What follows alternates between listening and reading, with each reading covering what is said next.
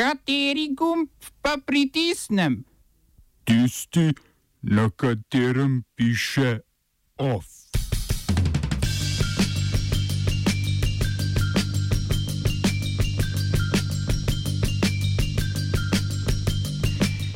Poraz vladajoče stranke na ponovljenih lokalnih volitvah v Carigradu. Podnebni protesti v Nemčiji in udor v premogovnik Garzweile. Makedonski premijer Zoran Zaev predstavil predlog preoblikovanja vlade. Miroslav Škoro napovedal kandidaturo na hrvaških predsedniških volitvah. V kulturnih novicah pa več o tem, kako se ba je perilo oziroma belo pere na 90.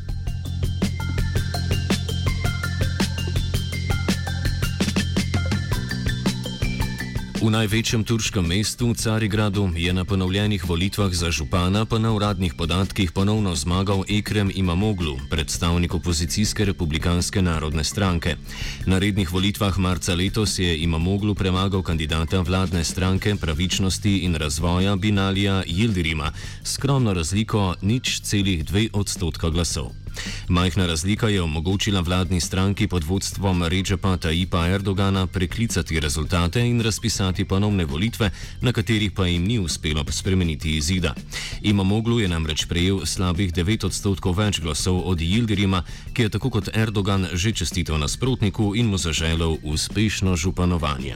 Stranka turškega predsednika Erdogana je na lokalnih volitvah izgubila vladajoč položaj tako v prestolnici Ankari kot v Carigradu, kjer živi skoraj petina prebivalcev Turčije.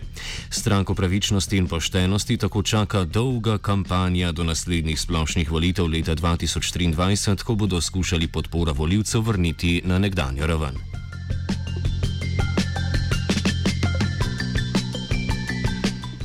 Iz Turčije se po zgledu številnih Turkov selimo v Nemčijo. Tam so pretekli konec tedna ponovno protestirali okoljski aktivisti, ki jih je navdušila švedska najstnica Greta Thunberg. Tokrat je v Ahnu protestiralo več kot 20 tisoč mladih iz Nemčije in sosednjih držav. Temu je sledil miren protest v mestu Kejenberg v bližini rudnika Lignita Garzweile. Mirnim protestnikom ob rudniku se je kasneje pridružilo tisoč aktivistov, ki so blokirali tovorno železnico, nekateri pa so celo prenočili v rudniku. Včeraj je policija iz rudnika odstranila še zadnjih 250 aktivistov. Na vseh treh protestih so udeleženci zahtevali razogličenje nemškega gospodarstva.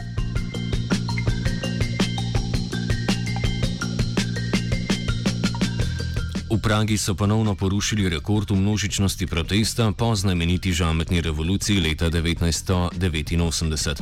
V parku Letna se je namreč zbralo okoli četrt milijona Čehov, ki zahtevajo odstop premijeja Andreja Babiša. S tem so protestniki podvojili udeležbo na zadnjem protestu pred tremi tedni. Babišu poleg ljudske volje grozi tudi kazenski pregon zaradi počrpanih evropskih finančnih sredstev za podjetje Agrofert, ki je bilo v njegovi lasti pred pričetkom mandata. Evropska komisija preizkuje, ali je imel drugi najbogatejši Čeh koristi v podjetju tudi v času vodenja vlade in črpanja evropskih sredstev. Naslednji protest organizatorji Združeni inicijativo Milijon trenutkov za demokracijo napovedujejo 17. novembra, ko bodo slavili 30. obletnico začetka žametne revolucije.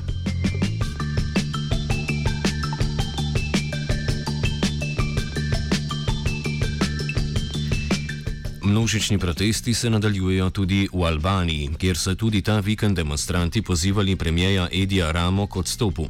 Njegovo vlado obtožujejo avtoritarnih teženj in nameščanja volitev. Vlada ustraja, da bodo kljub nezadovoljstvu na ulicah potekale lokalne volitve, ki so predvidene za naslednji vikend. Več o stanju v Albaniji v offsajdu ob 17. uri.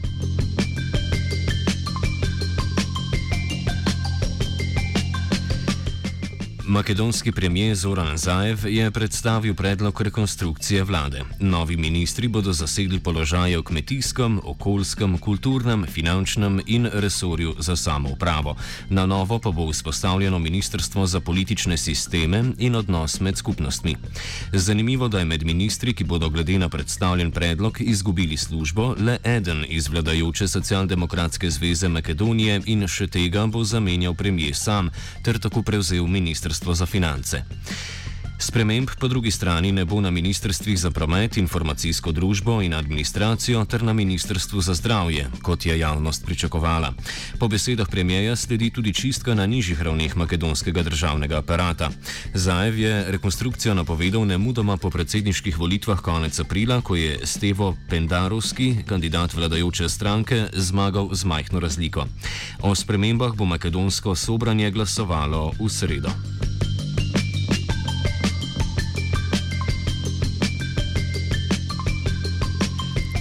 Po dolgotrajnem napovedovanju medijev je svojo kandidaturo na predsedniških volitvah na Hrvaškem čisto zares napovedal priznani hrvaški pevec, podjetnik in televizijski voditelj Miroslav Škoro.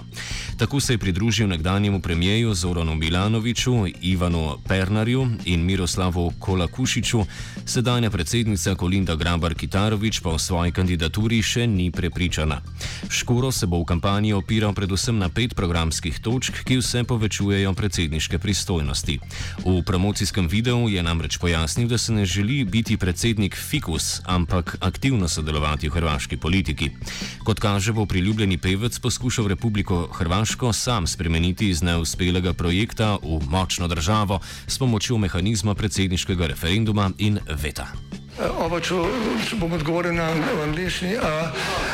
Slovenija will try to help. Uh, we can Slovenija will uh, and we will do our utmost to say that the situation is, our problem ourselves. and uh, We will make further steps as soon as the conditions are bomo vlado Marjana Cererja, Mira, eh, Marjana Cererja Šarca podprli. uh, very, very serious. we know how and we will. Skupina držav proti korupciji v okviru Sveta Evrope, znana pod kratico Greko, je sprožila postopek ocene razmer v Sloveniji. Gre za urgentno oceno razmer, institut, ki ga je Greko ustanovil lani in za nadzor nad najhujšimi kršitvami določil skupine. Poleg Slovenije je v postopku tudi Grčija, predtem pa je Greko podal nujno oceno še Romuniji in Polski. Skupina Slovenije očita, da predlog državnega sveta, da se ustanovi parlamentarna skupina za odkrivanje zlorab v zadevi Franz Kangler in drugi, nedopustno posega v ločenost sodne in zakonodajne oblasti. Na to so opozarjali tudi na vrhovnem toživstvu in vrhovnem sodišču. Slovenija ima do konca meseca čas, da odgovori na očitke, ocenjevanje pa bo potekalo jeseni. Poročilo naj bi bilo končano do decembrskega plenarnega zasedanja Evropskega parlamenta.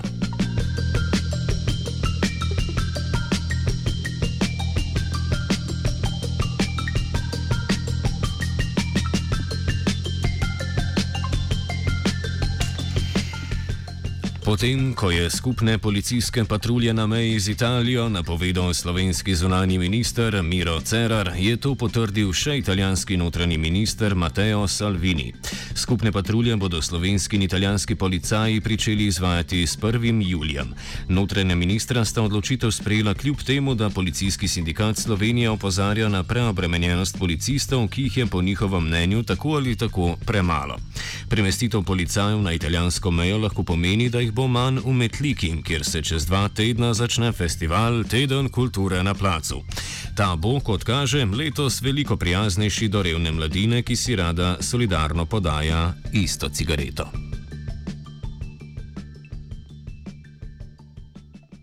Off je pripravil Virant.